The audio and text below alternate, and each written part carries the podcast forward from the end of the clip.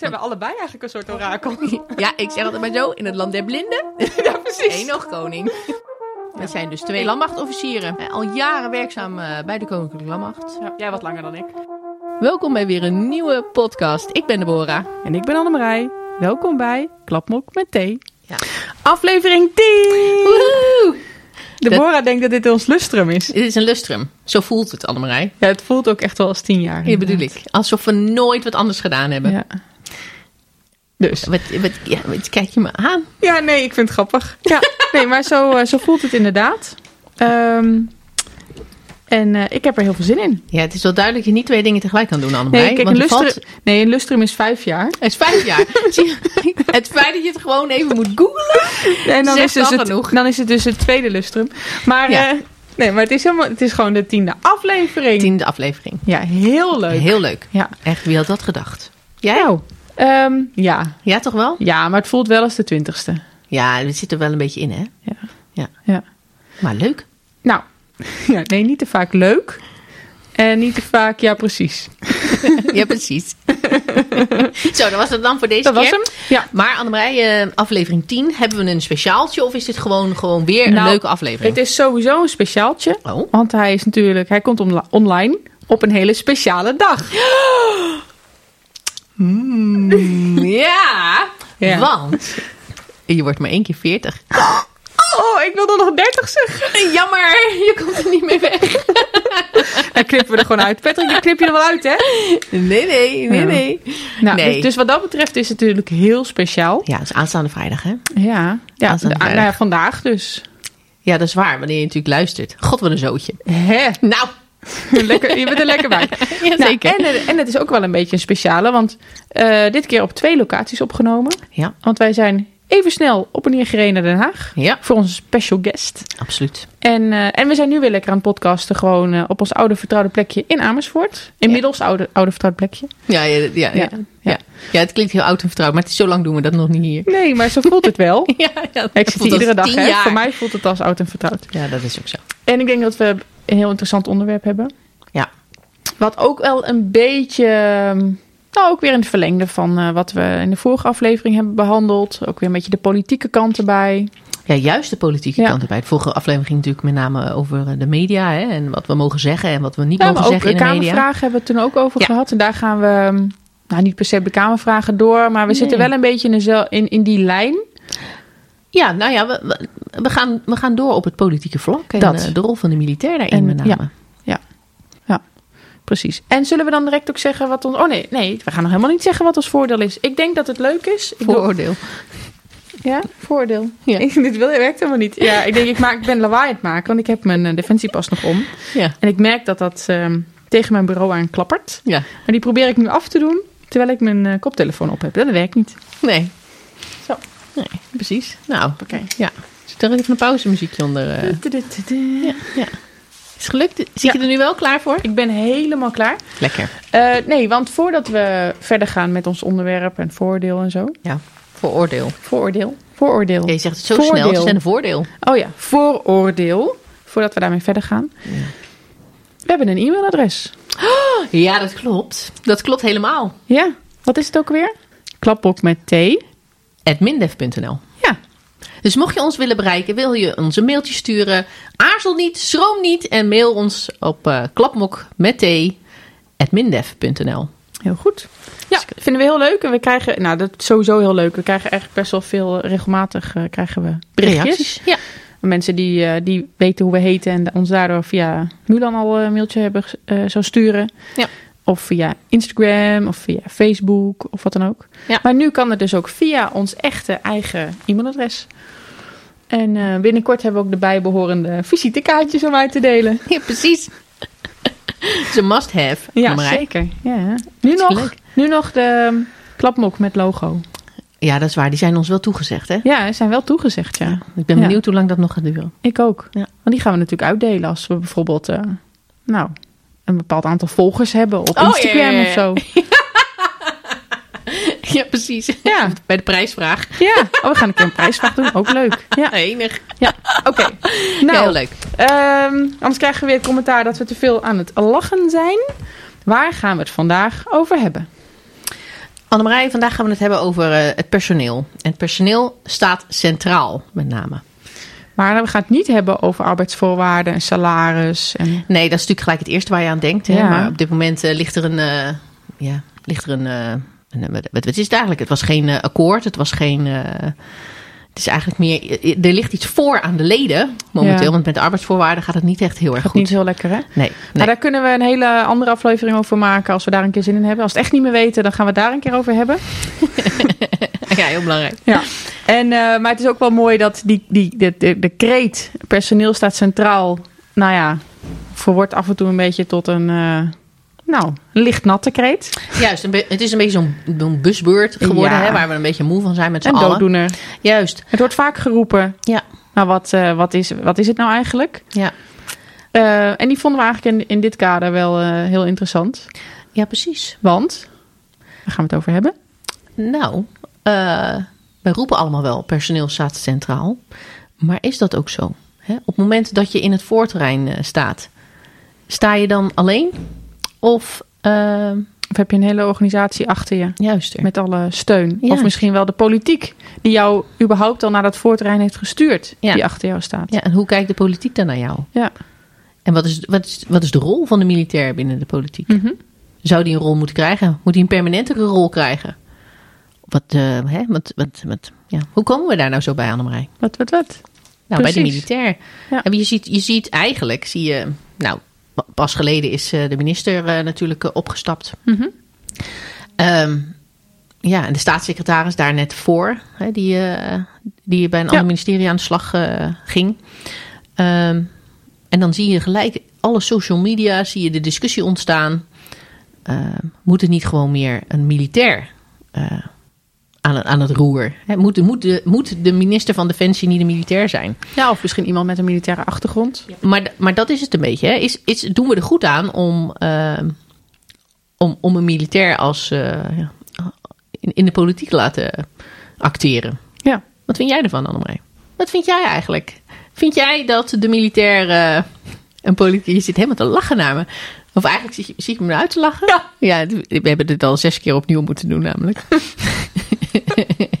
maar dat even zeiden. Maar Annemarij, vind jij, wat vind jij eh, van de rol van de militair in de politiek? Vind jij dat de minister van Defensie een militair zou moeten zijn? Of een militaire achtergrond zou moeten hebben? Nou, op zich denk ik dat het wel minimaal iemand moet zijn die er affiniteit mee heeft. Ja?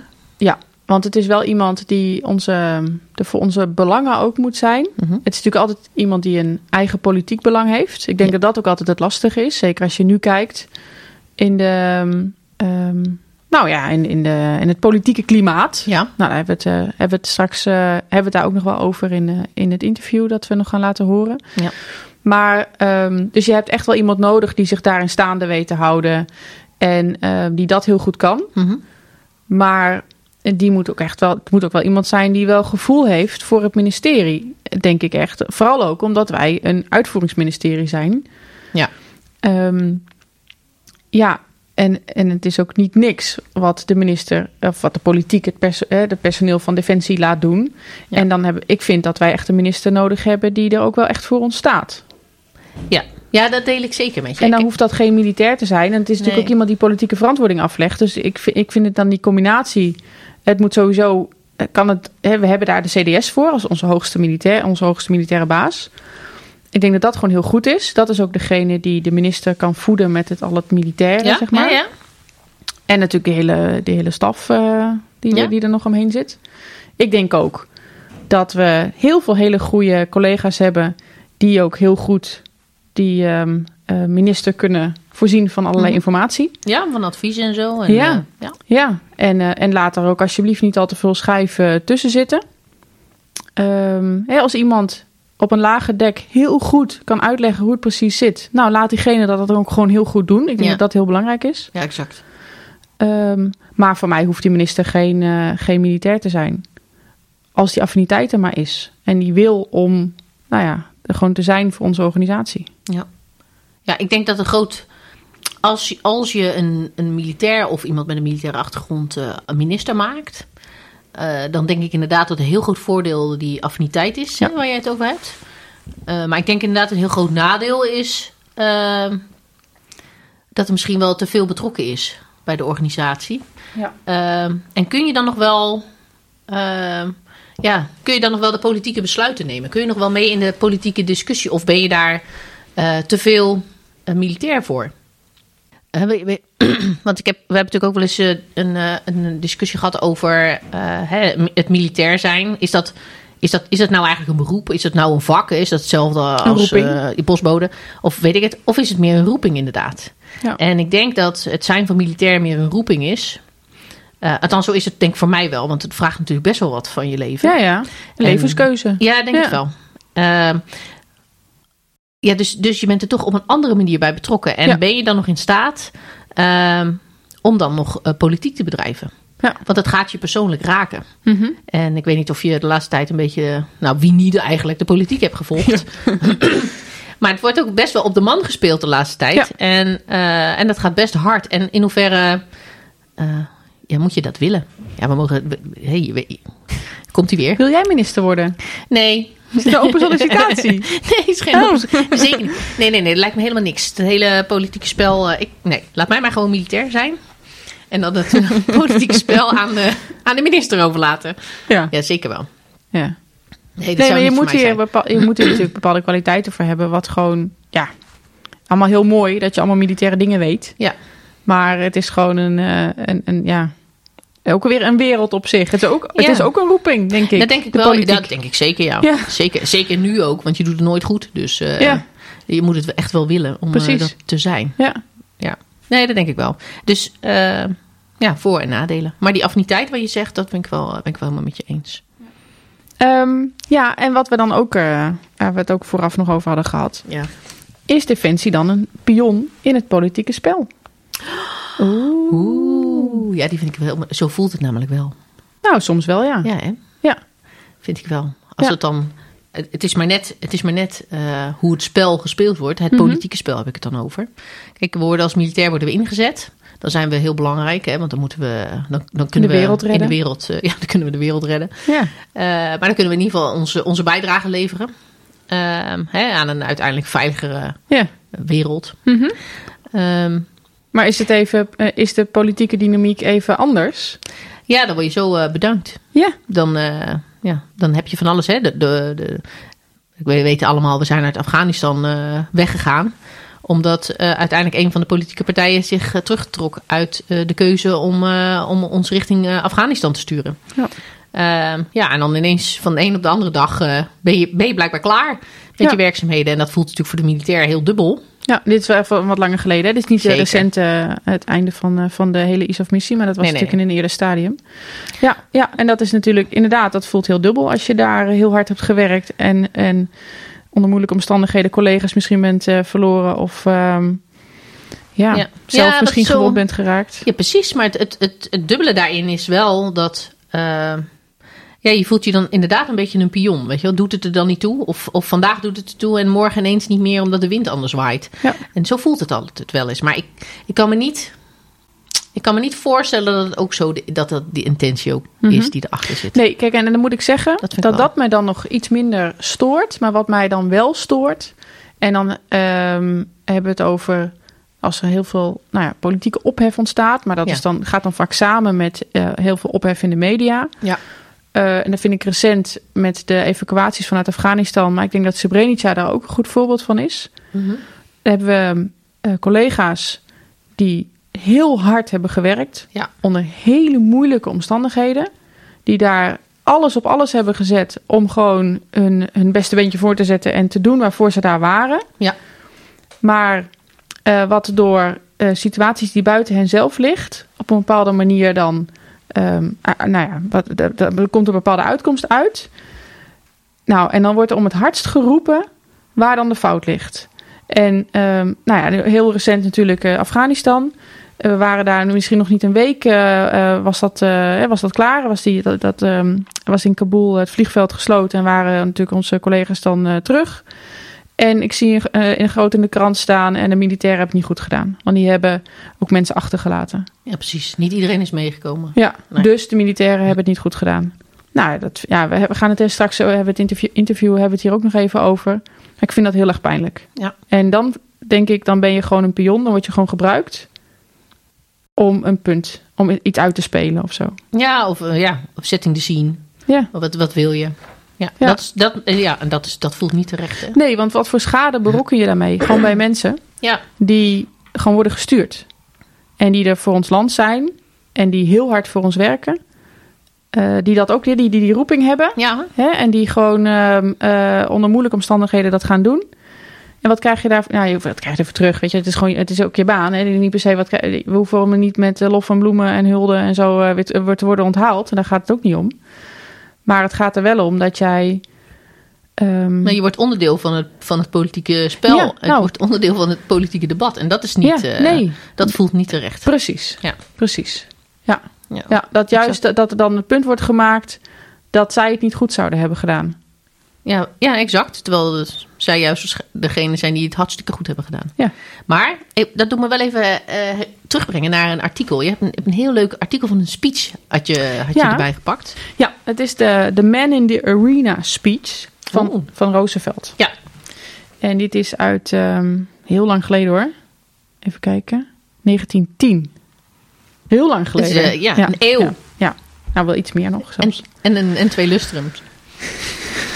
nou, heel goed, heel goed. Ja. Nee, maar het, ja, het is natuurlijk in het Engels, dus ik, heb, eh, dus ik moet even snel kijken hoe ik dit eh, heel mooi ga samenvatten in het Nederlands.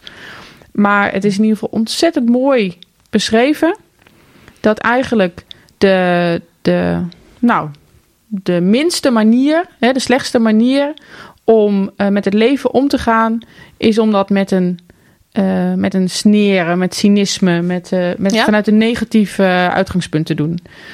En, eh, en hij zegt: het is niet de criticus die ertoe doet, eh, niet degene die ehm, erop wijst hoe iemand anders struikelt of eh, waar iemand die goed doet het beter had kunnen doen. Maar de credits moeten juist naar degene die, die, die ook echt in de arena is. die, ehm, nou ja, onder het stof en zweet en bloed zit. die strijdt, die fouten maakt. Eh, eh, die misschien toch, ehm, ehm, nou ja, steeds net niet genoeg doet. Als je eh, even, even ergens effort in stopt, dan kan je dat nooit doen zonder fouten te maken. Nee, of zonder precies. te weinig te doen. Ja.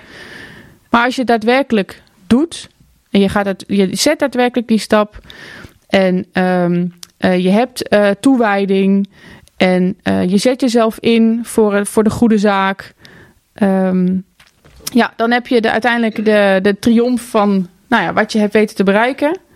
En, en in het slechtste geval, als het niet goed gaat, dan heb je in ieder geval eh, faal je eh, terwijl je nou ja, het, het beste hebt geprobeerd te doen. Ja, precies.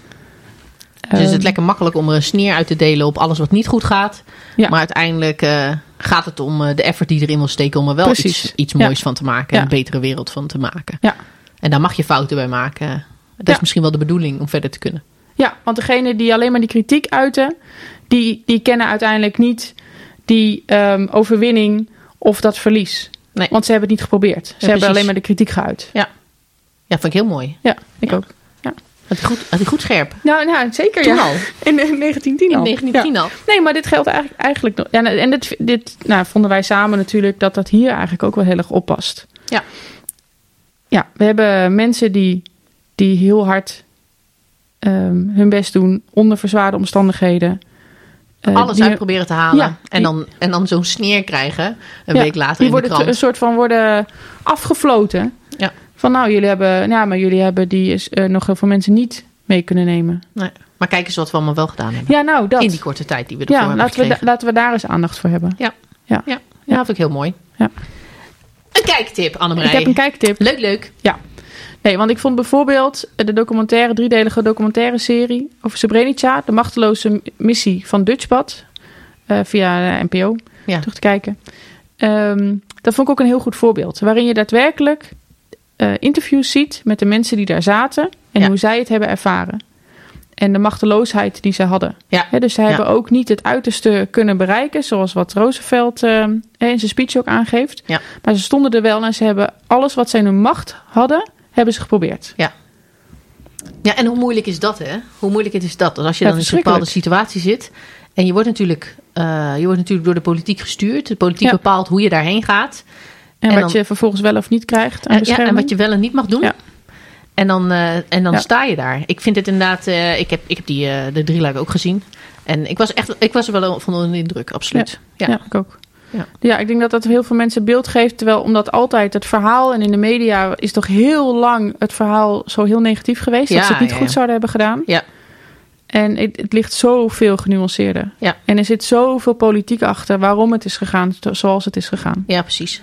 Ja, en dat kan je niet die, die militairen die daar hebben gestaan aanwrijven. Nee, nee. Nee. nee. precies. Nou, ik ben wel benieuwd. Ik ben wel, eh, ik ben wel benieuwd, Annemarij. Ik denk dat het leuk is om nu eh, over te gaan naar het gesprek wat we hebben gehad met eh, de directeur Daog. Ja. Hè, de, de directeur di- van de directie aansturen operationele gereedheid. Hoor mij dit eens even in Ja, een vloeiend vloeiende... Ja, ja, Wat ja. goed. Het lijkt wel alsof ik geoefend heb. Ja, Inderdaad. zo klinkt het. Ja, ik heb wel een kikker in mijn keel. Maar die had de generaal ook. Dus dat komt heel Ja, goed. dat wilde ik net zeggen. Oh ja, nee, precies. Die had even Fisherman's Friend genomen. Eh, maar ik denk dat het goed is dat we even overgaan eh, en naar hem gaan luisteren. Om te kijken hoe hij de rol van de militair ziet in dit politiek. In de politiek, in het politieke spel. Gaan we nu naar luisteren. Ja. Nou, Annemarij, daar zitten we dan. We zitten bij eh, de directeur eh, van de directie aansturen operationele gereedheid. Eh, de generaal Tak. Eh, welkom. Dankjewel. Of eigenlijk, ik zeg welkom, maar we zijn eigenlijk bij u. Dus dat is natuurlijk wel een mooie... Nou, jullie welkom dan. Ja, dank u, dank u. Mag gelachen worden, denk ik. Ja, zeker. Ja, toch? Zeker. Gelukkig. Ja, ja, ja, dan blijft het natuurlijk ook eh, leuk en ontspannen om naar te luisteren. Exact. Dat is eh, waar het om gaat. Ehm, nou ja, goed. eh, vandaag staat eh, voor ons eh, de politieke sensitiviteit centraal. Hè? Het personeel staat centraal, maar met name ook die politieke sensitiviteit. Want zoals wij ooit aangeleerd hebben gekregen, hebben wij de politieke sensitiviteit van de Noordzeegarnaal. Nou wordt even- zwaar onderschat overigens. ja, ja, ja. dat, denk, dat denk ik ook. Maar ja, we moeten het er wel mee doen. Eh, maar daarom is ons eigenlijk onze eerste vraag aan u. Eh, wat vindt u eigenlijk van de rol van de militair in de, in de politiek? Zou de militair een rol moeten krijgen in de politiek? Of een meer, meer duidelijkere rol? Ja, nou, dat is natuurlijk een hele interessante. Ik denk dat het eh, goed is om te stellen dat de militair al een rol heeft in de politiek. Onze CDS, dat is echt een speler in de politieke arena. En die heeft een heel netwerk in het politieke domein. In de eerste instantie naar zijn eigen minister natuurlijk. Eh, zijn staatssecretaris als die er is. Maar ook gewoon direct naar eh, andere ministers en de premier. Neem de evacuatie Kabul. Je kunt je voorstellen dat het net dan, dat netwerk enorm klein wordt, maar ook heel hecht. En dan hangt hij rechtstreeks met dat soort mensen aan de telefoon. Dus in antwoord op jullie vraag, de militair heeft wel degelijk een rol in de politiek. Nou heb ik het over het allerhoogste niveau. Maar ik denk ook dat het goed is om te beseffen dat het ministerie van Defensie een heel bijzonder min- ministerie is. Ik zeg tegen mensen die daar minder mee bekend zijn wel eens, het is als het ministerie van Onderwijs, waarbij alle scholen, alle docenten en alle kinderen de verantwoordelijkheid zijn van de minister van Onderwijs. En pest het ene kind het andere kind, dan gaat die minister dat uitleggen in de Tweede Kamer. Nou, als je dat zegt, dan denkt iedereen van, dat is, dat is flauwekul. Is niet te Nou, doen. welkom in het ministerie van Defensie. Want zo is het hier bij ons echt geregeld. Dat betekent dus ook dat eh, die, die invloed van de militair op de politiek heel direct kan zijn. Het is ook niet zo dat eh, de huzaar Jansen een ongeluk eh, krijgt... of dat meneer Jansen dan een ongeluk krijgt op de A28. Nee, het is de militair Jansen. En waarom is dat dan niet voor de postbode Jansen zo, maar wel voor de militair? Dat komt omdat wij een publiek goed zijn. En dus daarin zie je ook al meteen dat je, ongeacht van waar je, waar je in de organisatie werkt, dat jouw werk en jouw handelen van politieke invloed is. Ja, we zijn natuurlijk niet voor niks een verlengstuk van de staat. Exact. Oh, heel mooi. Heel mooi. Heel mooi. Ja. Heel mooi. Maar ik wil nog wel eventjes, eh, even een stukje terug. Eh, want u zegt natuurlijk, hè, dat de CDS, dat is eigenlijk onze militair die al een hele duidelijke rol heeft in, eh, in de politiek. Ehm, maar hoe moet ik dat dan concreet zien? Wat, wat doet hij dan? Zit hij dan aan tafel? Is, is hij een adviseur? Of eh, belt hij zelf met de premier van nou, dit, eh, dit, dit komt. Of gaat het toch wel via de minister? All of the above. Hè, dat, dat kan via de minister gaan, afhankelijk van hoeveel druk er op de ketel staat. Maar je kunt je voorstellen dat zo'n evacuatie vanuit Kabul, ja, dan heeft hij ook hele korte lijntjes met de minister, maar ook daarboven. Dus dat is ehm, niet zeg maar, een heel vast omlijnd gegeven. En hij is inderdaad adviseur van de minister direct, daar waar het over, over de inzet van militairen gaat, is hij de belangrijkste adviseur. En niet bijvoorbeeld de bestuursraad. Die gaat daar dan helemaal niet over. Dus er is een hele duidelijke scheiding in als het gaat over de bedrijfsvoering. Zeg maar minding the shop, running the business. Dan, dan gaat dat via de bestuursraad en daar zit hij ook in. Gaat het over de inzet van militairen uh, en een aantal andere gevallen, dan, dan gaat hij rechts, doet hij rechtstreeks zaken met de minister. Gaat het bijvoorbeeld over de formatie van een uh, nieuwe regering, dan heeft hij ook met politieke leiders van diverse partijen direct contact. Hij wordt ook uitgenodigd, als het goed is, aan de formatietafel, waarbij hij kan uitleggen wat hij van plan is met Defensie en wat hij graag als steun zou zien. Dus dat, is best, dat zijn best korte lijntjes. Uh, nee, heel even terug naar de bedrijfsvoeringskant. Uh, we, weten natuurlijk, we hebben van alles geleerd over het besturingsmodel bij Defensie. nou, dat is natuurlijk niet zo heel lang geleden is dat aangepast en heeft de CDS een net iets andere rol gekregen. Mm -hmm. En als we dan kijken naar hoe het, hoe het hier ruilt en zeilt, en hier is dan, we zitten nu dus ook weer fysiek in Den Haag voor onze luisteraars. Um, en dan zijn het relatief veel burgermedewerkers, burgerambtenaren, die hele hoge ambtenaren, die de, de dienst uitmaken, om het maar even zo te zeggen. Ja, ik zie Nou al ja, een. eh, kijk, ja, je- je ja, ik probeer natuurlijk ik probeer een reactie te ontlokken. Ja, precies. Kijk, de bestuursraad. Kijk, wij zijn in het militaire bedrijf zijn wij eenhoofdige leiding gewend en duidelijkheid. En dan heb je de staf en eh, de lijn, weet je wel, en die heldere scheiding. En dat is belangrijk, want in een crisissituatie of in een oorlogssituatie heb je die helderheid nodig. En dan kun je niet een discussiegroep hebben, eh, dat werkt niet. In Politiek Den Haag en ook in Bestuurlijk Den Haag, dus niet alleen in het ministerie van Defensie, maar ook in andere ministeries, zie je dat men meer werkt met raden van bestuur. En zo ook is dat in het ministerie van Defensie. Dus je hebt een bestuursraad die wordt geleid door de secretaris-generaal. Dat is de hoogste burgerambtenaar. En die neemt in feite, die heeft de, de leiding over de dagelijkse sturing van de krijgsmacht. En dat is Gea van Kraaikamp, die Mhm. eh, zeer bekwame, zeer doortastende bestuurder is. En die daarin bijgestaan wordt door de bestuursraad. En daar zit de CDS in, eh, de hoofddirecteur beleid, de hoofddirecteur Financial Control, de plaats, haar plaatsvervanger. Dat zijn de belangrijkste spelers in die, in die bestuursraad. En daar wordt gewoon met verstand gesproken over dingen die de bedrijfsvoering aangaan. En natuurlijk is het dan ook best goed dat iemand met eh, hele korte lijnen naar het ministerie van Financiën, onze HDFC, Ellen Bien, daar zitting in heeft. Zodat zij die raad kan voorzien van informatie en advies over dat hele financiële domein.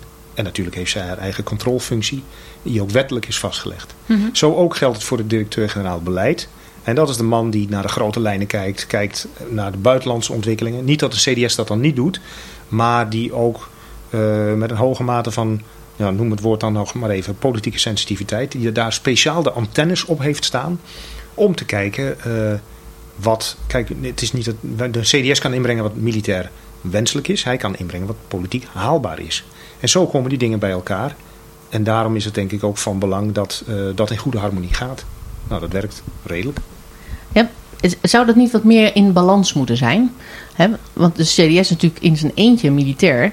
En eh, alles wat er omheen zit is natuurlijk toch een burger. En natuurlijk begrijp ik dat, eh, dat hij daar zit met zijn politieke antennes. Eh, maar zouden we niet ook een militair neer kunnen zetten? Want we hadden voorheen natuurlijk de HDP.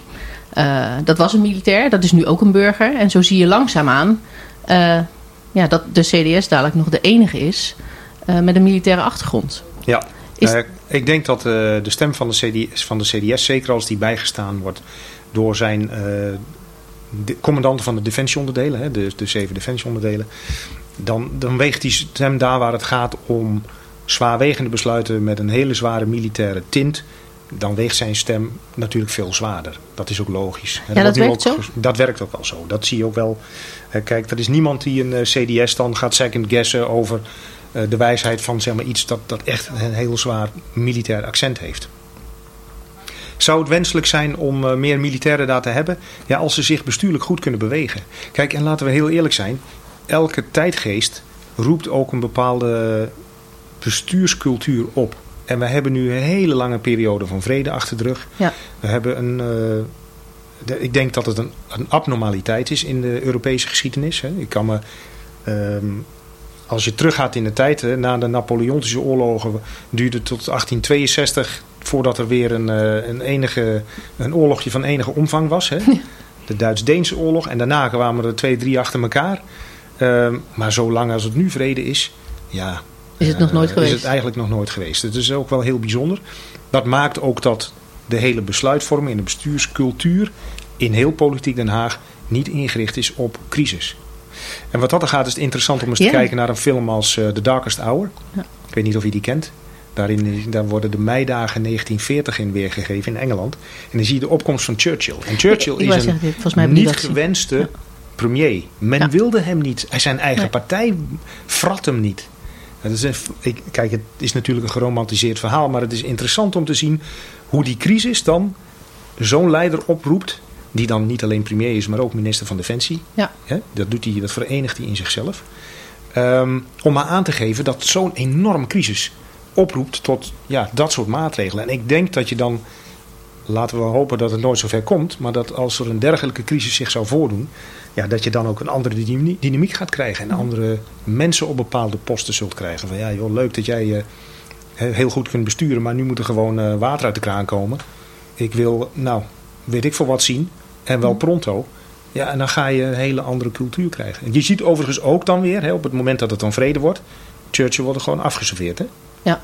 Aan het eind van de oorlog. Dus het is misschien een beetje raar vergelijk, maar ik denk wel dat het interessant is om te beseffen. Je kunt zeggen van god, er zijn wel heel veel burgers daar. Ja, die zorgen ook wel voor heel veel continuïteit. Ja, dat is En absoluut dat een is echt heel belangrijk. Ik neem bijvoorbeeld onze onderhandelingen met andere ministeries. Ik zal ze niet in specifiek noemen.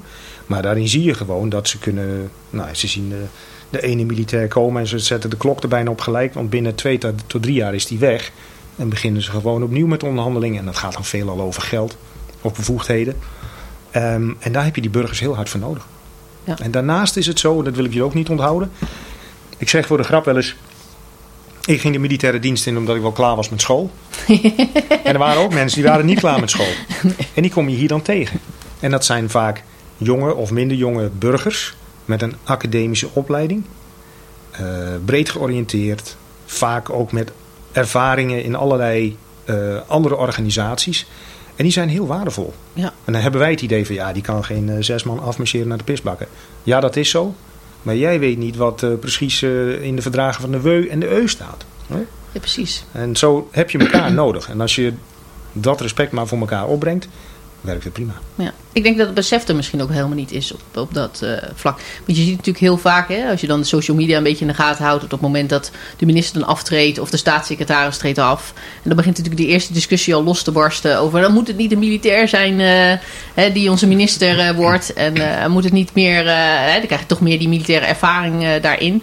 Maar ik denk dat we heel gauw voorbij gaan aan het feit dat eh, dat je als militair natuurlijk ook gewoon eh, groot geworden bent als militair. En dat je daar misschien, misschien best wel politiek sensitief kan zijn. hè, Mhm. want daar ga ik natuurlijk helemaal met u eens. eh, hè, dat, dat je daar wel gevoel voor moet hebben als je dan zo'n functie zou bekleden. Ehm, maar zijn we niet veel te smal? Zijn we niet veel te... ja, hè, hoe breed we onszelf dan al vinden. Zijn, Ja. we zijn, uiteindelijk zijn we alleen militair. Ja. En hebben we, hebben we natuurlijk heel veel ervaring binnen het militair zijn opgedaan. Ja. Eh, maar niet zozeer in de bestuurlijke brede zin van Nee. eh, wat er misschien verwacht wordt van je. Ja, nou wil ik een hoop collega's niet tekort doen. Want er zijn een hele hoop collega-militairen die echt een hele brede ervaring hebben. eh, op Ja. welk vlak dan ook. Hè. Je onderschat niet hoeveel vrijwilligerswerk er wordt gedaan door eh, collega's. Ja. Maar ook mensen die lid zijn van een politieke partij of zelfs een bepaalde bestuursfunctie hebben. Maar in de algemene zin is het natuurlijk wel waar. Ehm, ik denk ook dat het belangrijk is om te beseffen dat politiek bedrijven is ook een vak. Hè, wij hebben een vak. Dat is best ingewikkeld. Maar politiek bedrijven is ook een vak. En dat, is, dat, dat vak wordt bedreven, het is een ander soort spel met andere spelregels. En dat maakt dan ook dat je soms een politiek debat ziet op de, op de televisie. Dat je denkt van, mijn hemel, waar hebben ze het over? Ja, snappen Ja. ze het wel? Snappen ze het wel? Nou, het antwoord is, dat, dan heb je hem deels zelf in hand. Hè? En zelfs al leg je het heel goed uit, dan zie je toch nog dat men daar dingen in onze ogen misschien anders weergeeft. Om het woord verdraaien maar niet te gebruiken. Hè? En dat komt omdat men dat dan gebruikt voor het spel dat politiek heet. Ja. En dat is namelijk, eh, je als oppositie het de regering niet makkelijk maken. misschien wil je wel een, een eh, regering ten val brengen. Nou, dat is nu een beetje ingewikkeld met een demissionair kabinet. Maar eh, misschien wil je ook positioneren als politicus. Je wil je profileren, omdat je misschien wel een functie in een toekomstig kabinet wil. Nou, dat, zijn dingen waarvan wij misschien zeggen van nou, nou niet echt een heel erg eh, warm gevoel van. Maar daarom is het ook misschien wel zo dat wij dit vak hebben gekozen. En die mensen dat vak. En ik zal je vertellen, je moet, je moet, maar, je moet het maar durven politi- politicus worden vandaag de dag. Ja. Want het is een hard vak. Het is heel moeilijk. En het, ja, ik vind het geen wonder dat, dat er weinig mensen zijn die, die er trek in hebben. Dus ehm, ja, ergens, ergens zou ik ook bijna willen zeggen: maar jongens, laten we blij zijn dat er mensen zijn die het willen doen. Maar we, hebben het wel nodig. Nou, het is ook direct een mooie link naar ons eh, thema van, eh, van deze aflevering. Personeel staat centraal. Want wat ons heel erg af, eh, op is gevallen de afgelopen tijd... is als we dan de hardheid inderdaad in het debat... en nou, ik vond de beschrijving net heel mooi... dat eigenlijk is ons ministerie... en, eh, stel... eh, vergelijking met het ministerie van Onderwijs... en dat zijn al die eh, scholen en die juffen en die meesters... die zitten, hangen er allemaal onder. En de leerlingen. Ehm, ehm, maar wij zijn dus die organisatie... Waar al die, een uitvoeringsministerie, waar al die militairen dus eigenlijk rechtstreeks onder vallen. Die onder moeilijke omstandigheden in het buitenland hun werk doen. En die bijvoorbeeld onlangs in eh, Kabul op dat vliegveld hebben gestaan met een dreiging van suicide attacks. En die in hele schrijnende situaties zoveel mogelijk mensen hebben geprobeerd mee te krijgen. Maar vervolgens worden ze wel, nou ja, in mijn woorden, een soort van afgeserveerd.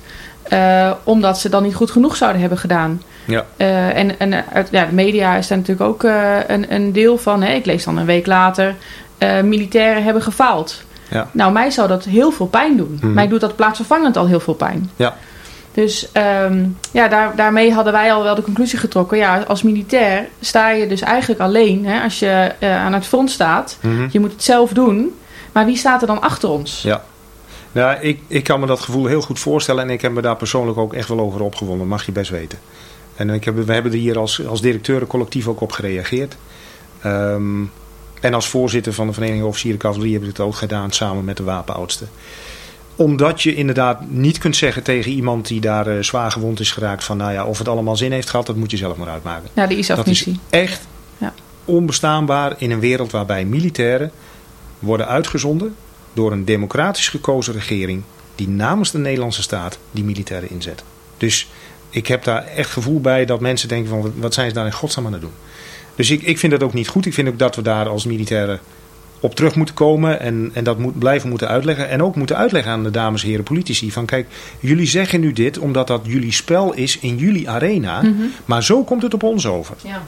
En in dat opzicht hebben we ook wel politici gezien die ehm, eh, in, in de afgelopen weken vierkant achter de militairen zijn gaan staan. En ook hebben gezegd, hè, kijk even, noem het toch maar even de minister van Buitenlandse Zaken en de minister van Defensie, dat die militairen prima werk hebben geleverd, meer hebben gedaan dan, gedacht, dan van ze verwacht had mogen worden. Dat was natuurlijk ook een heel raar iets. Hè. Er werden om tientallen mensen werden ze weggestuurd. En gaandeweg de rit werden er meer dan 2000. En nu is het nog niet goed genoeg. Eh, maar ja, dat is het spel dat dan niet het onze is, zal ik maar zeggen. Ehm, maar ik, ik denk dat we, en dat wil ik hier ook wel uitspreken, ik denk dat we trots mogen zijn op datgene wat we daar gedaan hebben. Op alle niveaus. Ik denk dat mensen echt eh, ja, ontzettend hun sporen hebben verdiend. Onder zeer moeilijke omstandigheden. Waarbij ook inderdaad de meest ja, rare suggesties werden gedaan vanuit Nederland soms. Ja, dat is dan even zo. Hè, dat is heel vervelend. Maar ik denk zeker, er gaan uiteindelijk eh, over die hele...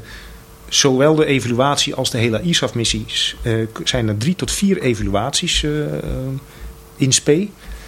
Eentje die over 20 jaar gaat. Eentje die over specifiek de evacuatie Kabul gaat. En er zit er nog één tussenin. Dus ehm, daar wordt echt wel heel veel aandacht aan besteed. Dat wordt uitbesteed aan gerenommeerde mensen.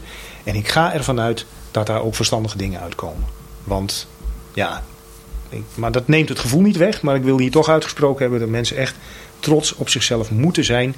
En op de vraag of het zin heeft gehad. Ja, natuurlijk heeft het zin gehad. Als we met ons volle verstand in die missie zijn gestapt.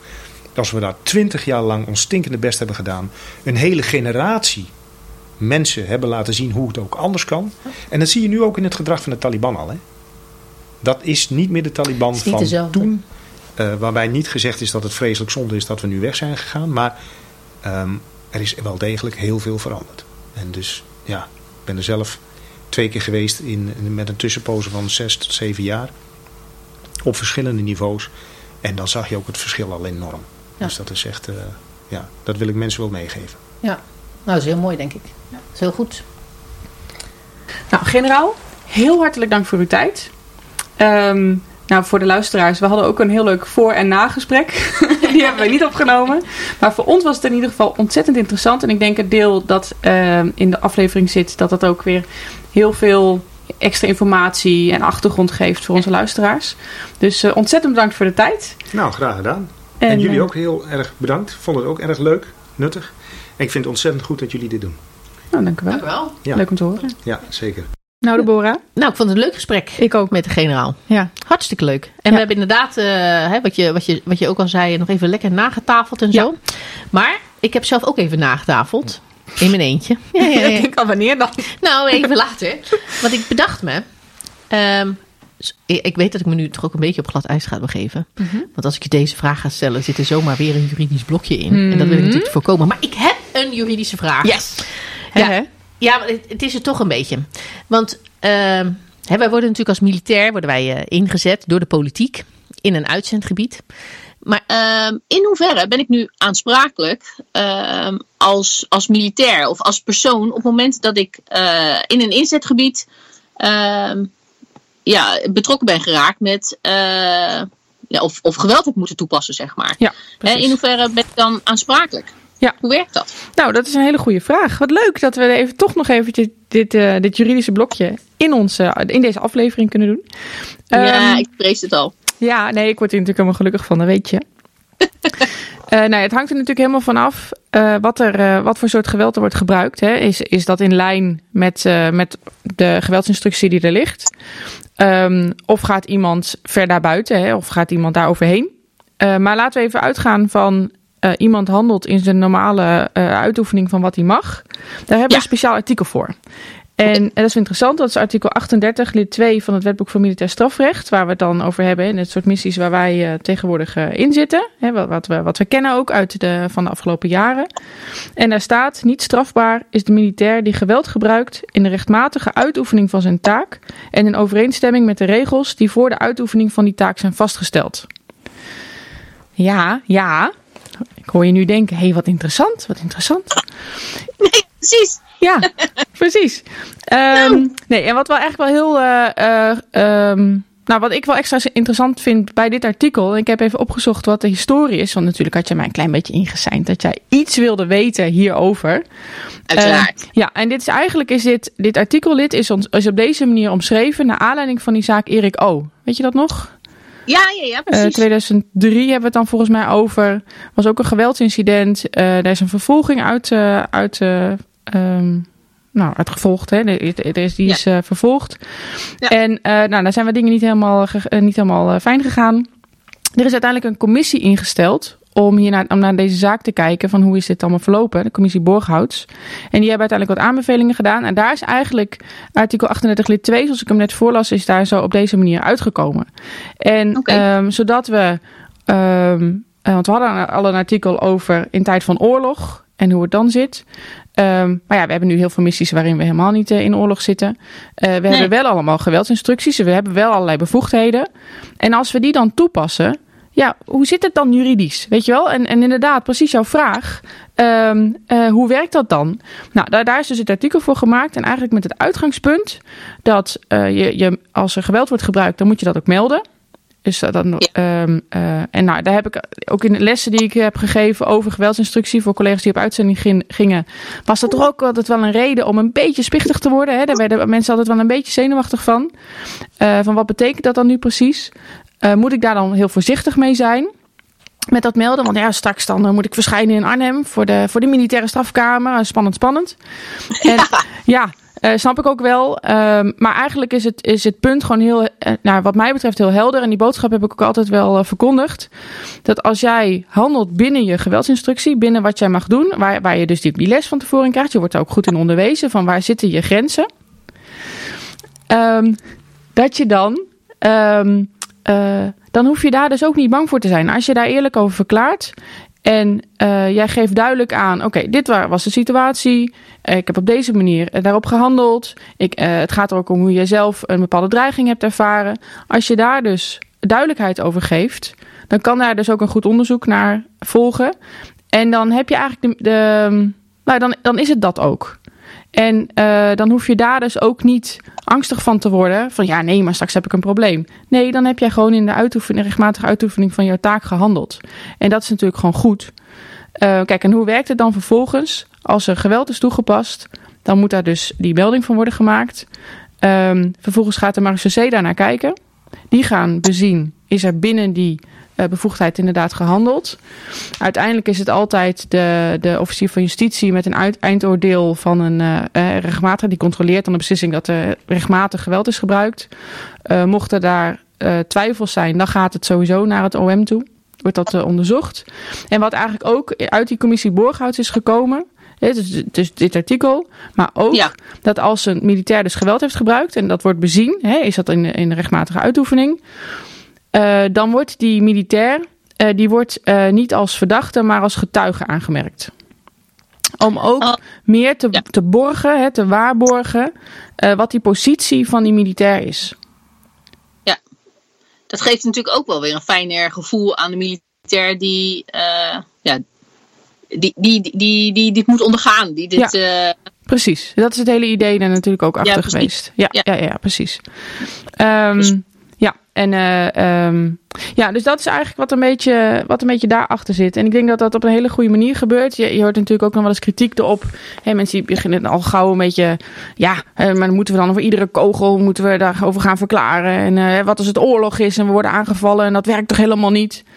Ja, nou, laat het allemaal even in perspectief plaatsen. Hè. We hebben het over het soort missies waar we de afgelopen jaren in hebben gezeten. Daar werkt dit op deze manier. Ik denk dat het heel goed is dat wij gewoon bepaalde waarborgen hebben. En dat er wordt bezien of wij op de goede manier geweld hebben toegepast. Ja. Um, uh, dus dat is gewoon altijd goed. En, ja, en uh, tijden van de oorlog gelden er toch ook andere wetten? Nou ja, en dan, en dan precies. En dan is net de vraag van hoe, hoe gaan we op dat, op dat moment om met, uh, met geweldgebruik? En dan ga je misschien wel helemaal niet kijken naar de enkele kogel die wordt afgevuurd. Maar dan ga je bijvoorbeeld naar uh, de acties die je samenpakt. En dat je dan kijkt van nou, wat is er op dat moment gebeurd? Ja, dus het is, het, ja, uh, dus op, op, die manier is dat uh, uh, denk ik heel goed. Ik denk heel goed dat we het zo doen. Um, ja. En uiteindelijk. Duidelijkheid ook, hè? Ja, nee, exact. Het geeft gewoon duidelijkheid. Kijk, en uiteindelijk, we hebben, je ziet nog wel eens van die, dat zie je in de media ook al voorbij komen, dat er van die zaken worden aangespannen. Uh, er, zijn er, er worden bijvoorbeeld uh, slachtoffers, families van slachtoffers, die dan uh, via een advocaat hier in Nederland dan een, een claim proberen in te dienen, bijvoorbeeld tegen de staat. Ja. En dan wordt er dus gekeken, is er inderdaad rechtmatig geweld gebruikt? Kijk, en dan is het ook zo mooi. Dan kan bijvoorbeeld, dan gaat iemand proberen om alsnog een zaak opgestart te krijgen. Dat is, een, dat is een artikel 12 strafvorderingprocedure. Ja. Um, en dan wordt er bekeken, is er destijds op grond van alle feiten en omstandigheden een goed besluit genomen om niet te vervolgen? En als je dus kan zeggen van ja, maar uh, uh, er is helemaal toen niet juist gemeld. Uh, die, die, dat gebruik van geweld is toen, nou, er zijn dingen achtergehouden of het is niet goed naar voren gebracht, zodat er toen geen goed besluit kon worden genomen. Dan is dat dus een reden om te zeggen, oké, okay, dan moet dus die zaak, dat, dat wordt dan geopend als het ware, zodat daar alsnog een rechter naar moet gaan kijken. Maar als jij dus in het voortraject al juist hebt verklaard en je hebt gewoon openheid van zaken gegeven. Uh, en je bent gewoon eerlijk geweest in, nou, ik had de, uh, uh, dit was er aan de hand. Ik heb op die manier gehandeld, conform de instructie die ik had. Ja, dan hoef je daar dus eigenlijk ook niet voor te vrezen. Want dan heeft dus ook, we hebben de instanties, hè, eerst de KMAR en vervolgens het OM, die hebben dus alle gegevens gehad, hè, alle feiten en omstandigheden, op basis waarvan er niet tot een vervolging hoeft te worden overgegaan. Dus ik denk dat dat gewoon, we hebben gewoon daar een hele goede uh, manier voor om dat, uh, nou ja, te, om voor waar, een waarborgen te hebben, zeg maar. Ik denk dat ja. het heel goed is. Nou, nou dat was het juridische blokje. Ja. ja. Nou, veel mee. Ja. Ik hoop duidelijkheid gegeven. Ja. Dat. Al, uh, ja, dat, dat is wel heel goed. Ja, ja. Je, ja. je blijft op deze manier ook een beetje bewust van wat je doet eigenlijk, hè? Ja, precies. En het, kijk, en het is, kijk, en wij, wij uh, onderwijzen natuurlijk onze uh, collega's ook altijd. Hè, we hebben altijd van die missiegerichte opleidingen, missiegerichte instructie voordat mensen op uitzending gaan. En dan ja. loop je helemaal door dit soort dingen heen. Dat is natuurlijk niet alleen op juridisch vlak, met allerlei verschillende gebieden. Mensen gaan natuurlijk altijd goed voorbereid op pad. Maar dat geldt natuurlijk ook voor de marechaussee, maar ook bijvoorbeeld voor de officier van justitie. Dat is ook iets wat uit die, uit die commissie is gerold. Dat die moeten ook weten uh, uh, wat, voor, wat voor situatie zitten mensen in uitzendgebied. En ja. uh, waar lopen ze tegenaan? En onder wat voor omstandigheden moeten, moeten zij kiezen of beslissen of worden zij gedwongen om geweld te gebruiken? Zodat zij ook met, dat, met die achtergrond en met het beeld en geluid dat zij daarvoor nodig hebben, uh, ook um, uh, dat kunnen bezien en, en kunnen ja. beoordelen. Wat er, um, um, ja, waarom er dan geweld is toegepast. Dus daar is een hele, in de, in de jaren, afgelopen jaren is daar natuurlijk een hele grote ontwikkeling in geweest. En, en werkt dat eigenlijk gewoon heel goed. En is dat beeld en geluid er ook echt. Ja. Ja. Nou, horen. Ja. Leuk. Ja. Ja. Leuk. Ja, ja, ja, ja. Maar er zitten wel een beetje aan het eind weer van de aflevering, of niet? Ja, dat denk ik wel. Uh, ja. Dat denk ik wel, Annemarij. Uh, ja, ik denk dat, het, uh, ik, ik denk dat we gewoon uh, lekker kunnen afronden. Ik denk het ook. Ik denk het ook. Ik denk dat wij uh, van een taartje gaan genieten, Annemarij. Nou, daar is het wel een heel mooi moment voor. En, dat dacht ik wel. maar moeten we nog even de mooie... Um, nou, jij bent er natuurlijk altijd heel erg goed in. Ik ga, ik ga, het, ik ga proberen alvast een aanzet te geven om ons onderwerp, hè, de, um, het personeel staat centraal. En um, ja, gewoon, ja, Even waar, de softe, waar, de softe waar, afronding, ja, het moraal van het verhaal. Precies, uh, waar, waar, staan wij als militair nou eigenlijk? En staan wij dan alleen of, of hebben wij iedereen achter ons staan? En ik wil hem aftrappen met... The credit belongs to the man who is actually in the arena. Nou, ik denk dat dat, uh, dat, dat heel duidelijk naar voren is gekomen in, uh, in het verhaal. In het verhaal van de generaal. Uh, hè, die is natuurlijk geëindigd met een heel mooi, uh, heel mooi betoog, uh, wat hier heel duidelijk op aanslaat.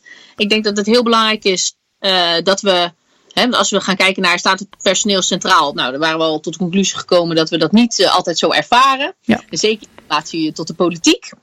Um, maar als wij, als we kijken naar onszelf, dan denk ik dat we ons moeten focussen op dat wat wij doen. En dat we als defensie er voor elkaar moeten blijven zijn.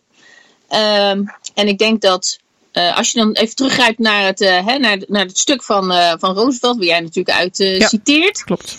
Um, dan denk ik dat het heel belangrijk is om, om, om de doener te blijven. Om degene te zijn die de wereld wil verbeteren, stappen te maken daarin. Maar ook open staat om het, voor het maken van fouten. Hè, dat, gaat allemaal, dat, dat gaat daar automatisch mee gepaard. En dat het heel makkelijk is voor de criticaster om, hè, om, om die fout toe te lichten en uit te lichten en uit te vergroten. waar dan ook. Maar dat dat niet de man is waar je op moet focussen.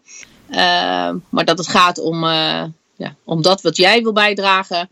om uiteindelijk de wereld een betere place, een better place wil ik zeggen, ja, te maken. Heel mooi, heel mooi. Ja, ja mi ja, misschien moeten... Ja, precies. Oh ja, nee, ja, wereldvrede. wereldvrede.